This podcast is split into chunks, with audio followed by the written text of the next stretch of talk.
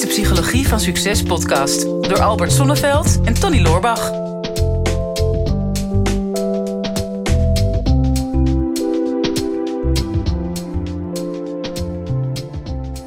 Tony, ik heb een heel leven achter de rug waarin ik toch wel behoorlijk eh, streng en gedisciplineerd ben eh, geweest. Ja. Mezelf. En dat heeft me ontzettend veel gebracht. Ik voelde mezelf af en toe zelfs een ascetische monnik. Een ascetische monnik? Wat Ja, dat? ja. Ascetisch? Ja, dat je echt wel eh, streng en een beetje rigide en wel heel strak in de leer bent. Is dat zo? Oh, dat heb ik jou nooit ervaren. Nee, nee, nee, maar dat was, dat was een periode. Oh. Ik dacht dat dat nodig was. En dan stond ik 's morgens al heel vroeg op, een kwart over vijf. En dan, nou, dan dacht ik van, oké, nou moet ik eerst eens even mijn macrobiotische maaltijd gaan maken.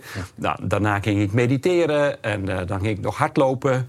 Nou, en dan, eh, ja, dan moest de dag ongeveer nog beginnen. Ehm, maar ik werd daar niet meteen ook zo gelukkig van, eerlijk gezegd. Niet meteen. Uiteindelijk wel? Ja, toen ik het losliet. en dat is dan zo lekker dat je denkt... oh, ik heb mezelf zo gepijnigd. En eh, daarna, ja, want ik dronk ik geen koffie... ik dronk geen alcohol, eh, nou, eh, geen suiker. Allemaal super streng. Oh, ja. Ja, toen ben ik gewoon weer een kopje koffie gaan drinken. En lekker een wijntje af en toe. En af en toe een koekje bij de thee. Heerlijk gewoon. Geluk komt toch vaak uit het glas. Nou ja, ik, ik, ik weet het niet. Maar het, het, nou, het hele strenge, dat beviel me niet zo, eerlijk gezegd. Nee, maar misschien komt geluk ook wel een beetje voort uit het contrast. Als je een hele tijd heel streng voor jezelf bent geweest... dan Ja. zit geluk dan na in hele kleine dingen... zoals gewoon een kop koffie kunnen drinken. Dus het, eh, dat was eigenlijk helemaal niet zo moeilijk dan. Nee, nee, nee, nee. Ja, dan kom je dan. Ja, dat is voortschrijdend inzicht, hè, zo heet het dan. Maar Ja. volgens mij hadden we daar een vraag over, Ja, ja. Ja, ik voelde het bruggetje al aankomen. Ja, Ja, we gaan hier ooit nog een keer een Oscar mee winnen, hoor. Voor bruggetjes. de bruggetjes, ja. Ja, One bridge too far. Precies. ja, laten, we, laten we hopen dat we daar niet, eh, niet komen. We hebben een vraag van, eh, van Jonna. Oh, Zij zegt, eh, hoi Albert en Tony, jullie podcast is leerzaam, interessant om naar te luisteren.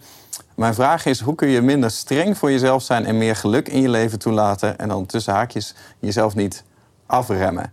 En Ja. dat- Dat vind ik al grappig, zeg maar, dat, dat, er toch, dat ze dat er toch nog achter typt. Ja. hè, hoe kun je meer geluk in je leven toelaten... en niet zo streng zijn voor jezelf... maar zonder jezelf af te remmen. Ja. Er zit eigenlijk de prestatiedrang zit al, zit al in het tussen haakjes gedeelte. ja, daar gaat er weer energie in zitten. Want remmen kost eh, net zoveel energie als opstarten. Ehm, alleen dan de andere kant op. Ja. Ja, goede vraag. Minder streng zijn voor jezelf.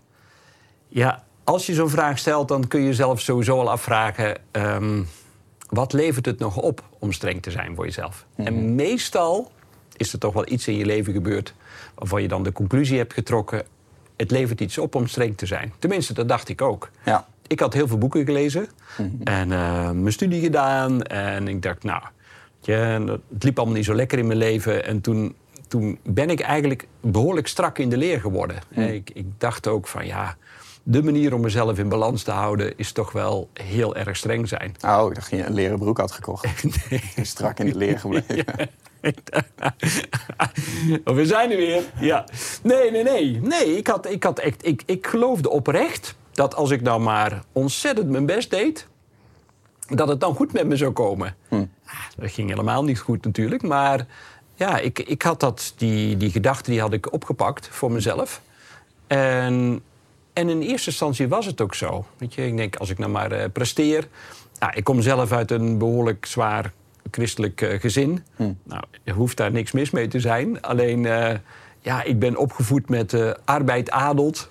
En ledigheid is des duivels oorkussen. en rust roest. Ja. En op, bij ons op de schoorsteen daar stond een, een klokje bijt uw tijd. En dat was heel oud-Nederlands voor... eh, ja, je moet wel echt het maximale uit je tijd halen. Nou ja. Ik geloofde echt dat dat zo was. Ja. En ik dacht, ja, als ik nou maar hard genoeg werk... en ja, wij, wij kennen natuurlijk ook nogal wat eh, succesvolle ondernemers. Je hoeft maar in de spiegel te kijken, Tony, en je ziet er alleen. Ja. Maar ehm, ja, ik dacht echt van, ja, als ik nou maar hard genoeg werk... dan krijg ik wat ik, eh, wat ik graag wil bereiken. Ja. Waar, waarom denk je dat dat is? Want, want hè, dat zelfkritische...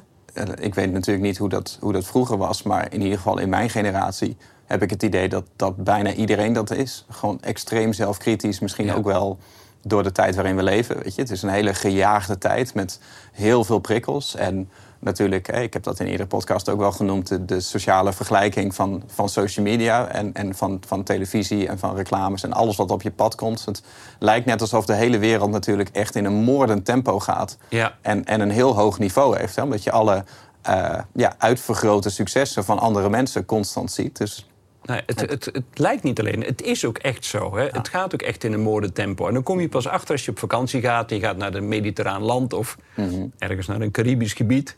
En dan, ja, de lokale mensen, pompidom, pidom, pidom. En die zeggen, wow, waarom zou ik me druk maken? Ja, ja. ja en, en dat is ook zo. Maar ergens hebben we zo het gevoel dat efficiëntie en effectiviteit... dat dat uh, gelukzaligmakend is. Maar... Mhm ja, dat, het, tegenovergestelde blijkt natuurlijk het geval te zijn. Ja. Maar we, we, we, denken het wel. Ik, ik, voel, ik noemde mezelf ook Mr. Time Management, uh, Tony. Ik was er gewoon helemaal trots op dat ik zo het maximale uit mijn dag kon persen. Ik, het was gewoon, ja, alles moest geleefd worden. Mhm. Maar wat is dan de definitie van leven?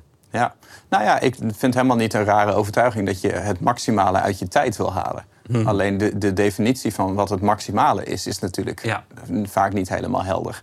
want, want gewoon op de bank liggen en genieten van het moment is misschien wel het maximale uit je tijd halen. Misschien wel meer dan diezelfde tijd achter je laptop besteden.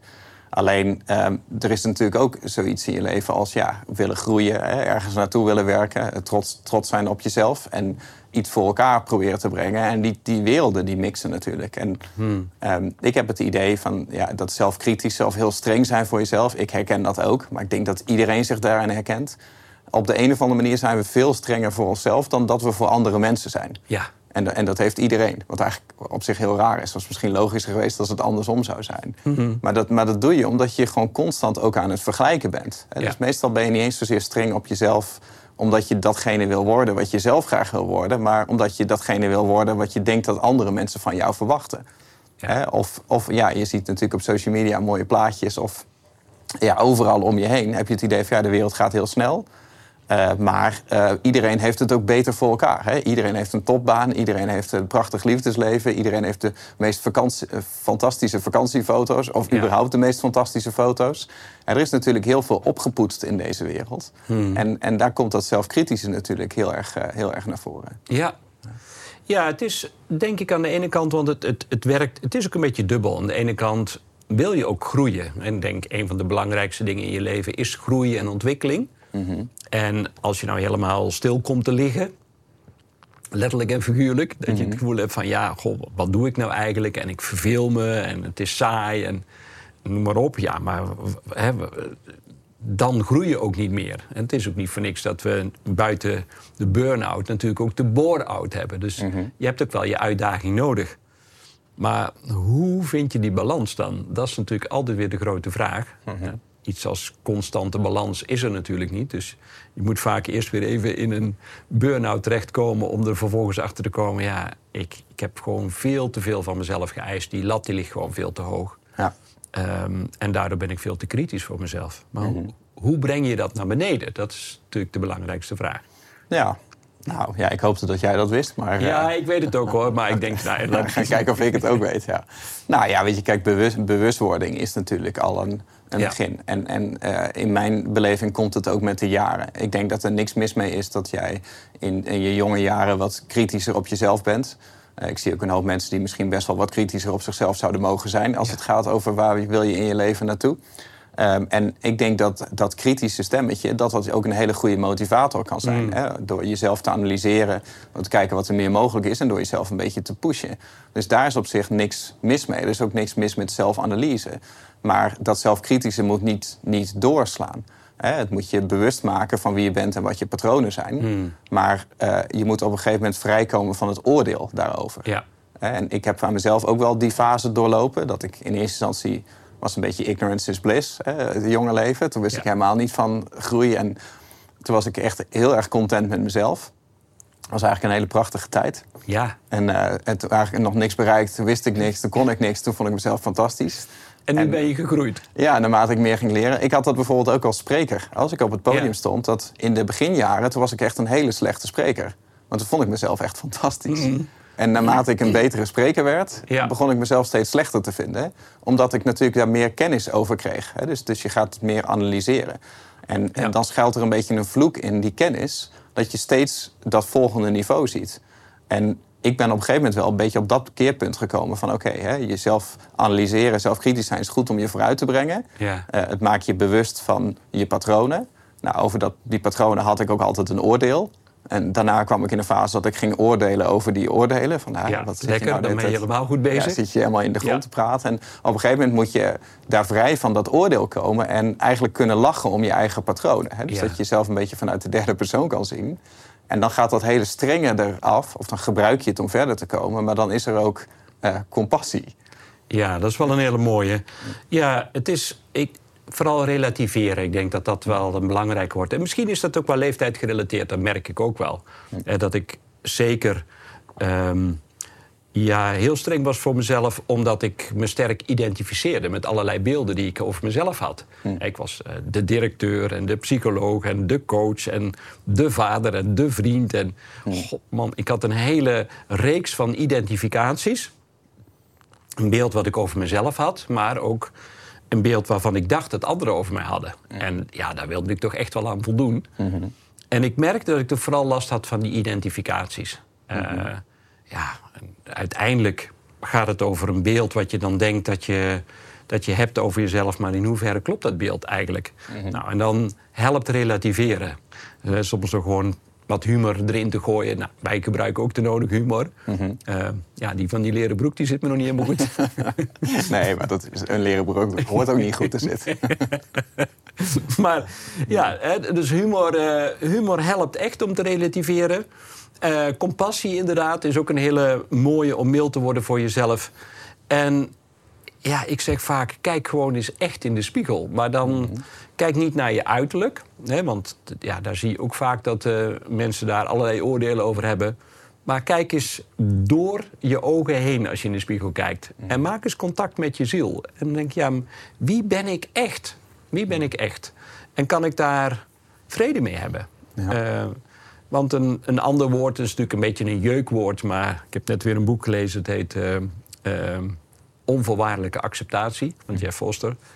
En onvoorwaardelijk kunnen accepteren. Hè, mhm. dat natuurlijk uh, je recht hebt op geluk in je leven en dat mag je ook hebben. En je kunt er ook echt vol van genieten. Het is een hele mooie, wonderbaarlijke planeet met heel veel experimenten die je kunt doen met mhm. jezelf.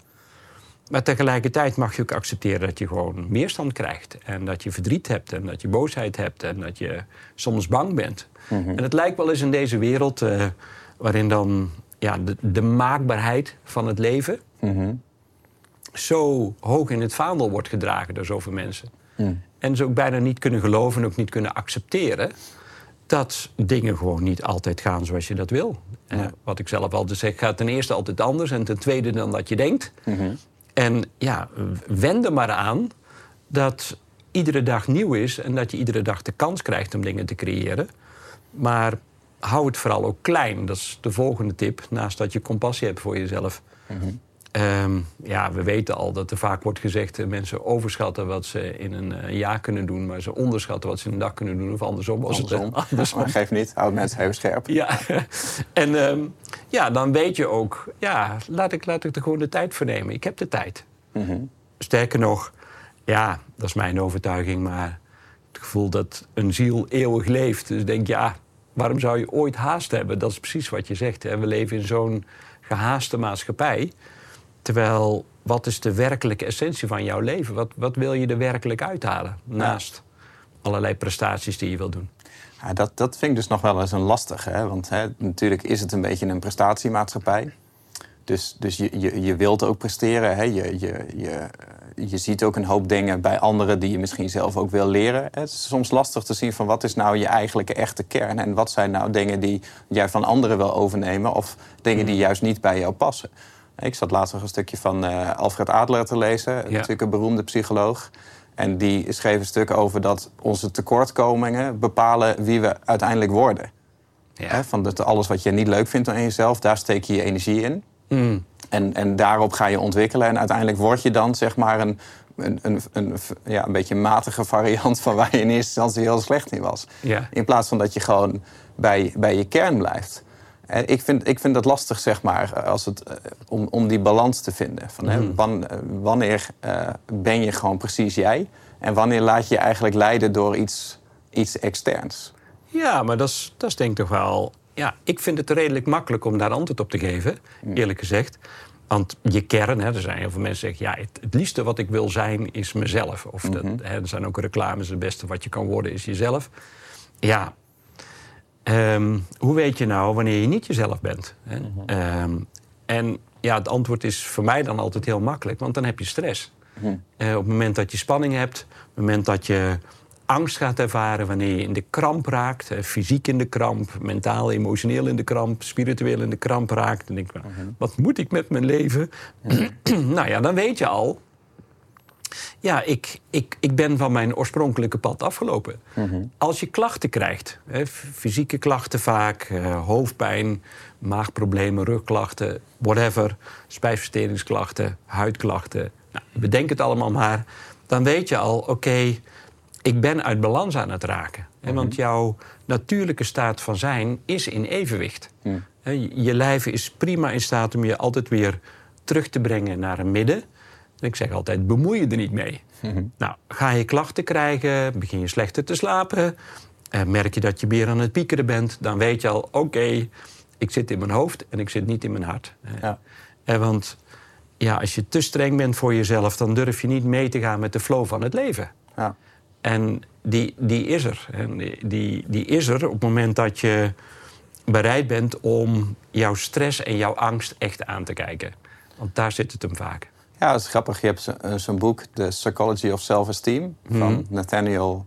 Nog iemand? Nog iemand? Nog iemand Ja. Met een achternaam heeft hij. Ja, En, ehm, en die schrijft in eerste instantie dat zeg maar, eh, eh, ongeluk alleen maar voortkomt uit emotie. En dat geluk voortkomt uit ratio. Dat op het moment dat je... Je kan niet irrationeel en ongelukkig... eh, of irrationeel en gelukkig op hetzelfde moment zijn, schrijft hij. Dus als je door emoties laat leiden, dan zit je altijd in ongeluk. Maar als je een bovenliggende ratio weet te pakken... door te kijken naar die gedachte die ik heb... eh, klopt die gedachte? Ja. En je weet het te ontstijgen, dan ben je, dan ben je altijd gelukkig. Alleen ja, jij zegt nou net precies het tegenovergestelde. Van Ja. Je moet het denken loslaten. Ehm, ik neig ook meer naar die kant. Want ik denk dat Mm. juist heel veel problemen die we hebben... juist ontstaan zeg maar, in, in onze bovenkamer. ja. Ehm, en dat je je gevoel moet gaan, eh, gaan volgen. Nou, er is niks mis met denken. Eh, ehm, alleen, ik zou er niet te veel waarde aan hechten. Nee, Eh, nee ja, jouw, jouw mening over jezelf is ook maar één mening. Ja. Die is niet helemaal objectief. Nee, en eh, de, de norm is één, in mijn geval. En nou ja, we hebben heel veel succes met onze podcast. Daar ben ik ook ontzettend blij mee. En wij kunnen inmiddels zeggen, nou, onze norm is misschien wat groter geworden... als het gaat over dat we blijkbaar doen wat goed bij ons past. Hè, want het wordt door de markt eh, gezien. Het wordt door de mensen gewaardeerd. En tegelijkertijd, ja, in hoeverre ben ik er afhankelijk van? En gaan wij te veel ons best doen om er iets leuks van te maken? Ja, dan denk ik dat we van onze oorspronkelijke kern afraken. Dan Ja. zijn we niet meer onszelf. Dus waarom zouden we ons best doen, Tony? Nou ja, ik vind op zich wat, je, wat jij zegt, vind ik wel een hele fijne eh, oplossing. Hè? Ja. Dat gewoon zodra je fysieke ongemakken gaat ervaren en er, er is stress, dan weet je eigenlijk dat je lichaam aangeeft dat er iets niet klopt. Ja. En ik denk dat dat met mentale ongemakken net zo is. Net Kijk, precies zo. Ja. Fysieke pijn is een, is een overlevingsmechanisme. Hè? Dat, dat gewoon fysiek, fysiek ongemak behoedt jou van verdere ellende. Ja. Eh, en ehm, ik las het laatste stukje over van Richard Telet. Die zei dat als wij in de auto rijden en er gaat ergens een lampje knipperen... dan weten we niet half hoe snel we bij de garage moeten zijn. Want anders dan gaat straks de hele auto kapot. Ja. Zeg maar als jij hoofdpijn hebt, dan gooi je er een paracetamol in en dan ga je door. Hè? Dus we reageren helemaal niet meer op dat soort fysieke ongemakken. En ik denk dat zeg maar, fysieke pijn... ehm, dat is hetzelfde als eigenlijk ja, eh, psychologische pijn, is ook Ja. een overlevingsmechanisme Ja. hè, van jouw brein om aan jou aan te geven van je moet je opnieuw gaan verhouden tot een omgeving. Hè. Je moet opnieuw herijken op je identiteit. Dus op het moment dat jij eh, psychologische pijn ervaart, zoals bijvoorbeeld ehm, angst of, of depressie. Ja. Depressie misschien het beste voorbeeld van nou, hoe kan ik nou minder streng zijn voor mezelf? Ja, als jij de hele tijd je depressief voelt, dat is iets wat je jezelf aan het aandoen bent. Maar dat Ja. is iets van jouw brein om aan jou aan te geven dat jij dat er iets in jouw identiteit niet klopt. Dat je misschien iets probeert te zijn wat je niet zou moeten zijn. En dat is, dat is het mooie van depressie ook. Want depressie nodigt je uit om jezelf weer opnieuw onder de loep te nemen. En te kijken van ja, ja wie ben ik echt? Hè? Want dat is wel een van de kernvragen bij depressie. Hè? Van, mhm. wie, is mijn, hè? Wie, wie, ben ik? Wat is mijn identiteit? Mhm. en, en wie zou ik willen zijn? Ja. En blijkbaar heb je daar dan een depressie voor nodig om, om dat weer opnieuw te onderzoeken. Dus iedere vorm van klacht, zoals ik er naar kijk, los daarvan natuurlijk, soms heb je natuurlijk in de familie wel eens wat ze dan noemen een genetische predispositie. Dat is ook een lekker woord om mee te galgen. Ja, dat is een mooi scrabblewoord. Een mooi scrabblewoord. Maar dat wil eigenlijk zeggen dat ja, in, in, in de familie kunnen er genetische uh, nou, afwijkingen wil ik niet zeggen, maar uitdagingen zitten. Waardoor dat je misschien makkelijker een bepaalde klacht krijgt. Hè. Bepaalde ziektes die meer voorkomen in de ene familie dan de andere familie. Mhm. Maar dan nog steeds. Hè, waarom, waarom is het dan zo dat je broer of je zus die klacht niet heeft en jij wel? Mhm. Dus ik zou altijd beginnen eh, als oplossing. Kijk in eerste instantie, ben ik uit balans geraakt? En mijn lijf geeft dat aan, mijn psyche geeft dat aan wanneer ging het nog goed met mij? Dat is natuurlijk ook een hele mooie. Mhm. Wanneer was je nog in de flow? Wanneer was je blij, gelukkig? Wanneer ja, stond je midden in het leven? Wanneer ben je dat kwijtgeraakt? Nou, ergens ben je iets gaan geloven. Hè? Misschien dat je het idee hebt dat je nog meer je best moest doen. Ben je bereid om dat weer los te laten? Mm nou, er zit altijd een angst onder. Kun je naar die angst kijken?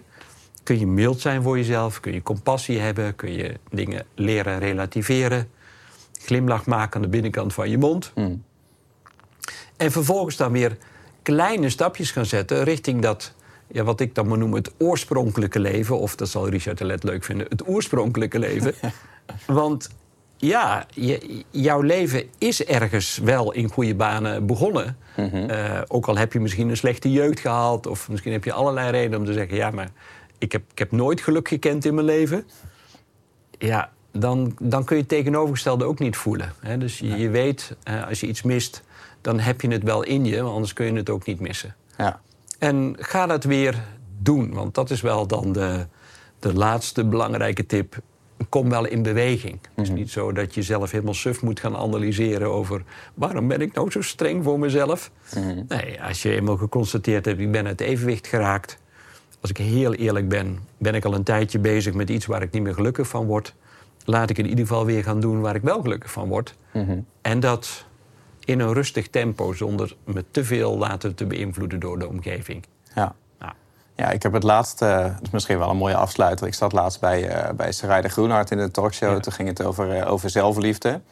En toen kwam het ook op een gegeven moment ging het over compassie. Hè, want eigenlijk, compassie is gewoon het antwoord op dit vraagstuk. Ja. En een compassie leer je niet van maandag op dinsdag. En hmm. dat kan je wel de hele dag tegen jezelf zeggen, maar je moet het, je moet het gaan voelen, zeg maar. Maar we hadden het daar toen over en toen hoorde ik daar het woord kompas in, hè, in compassie.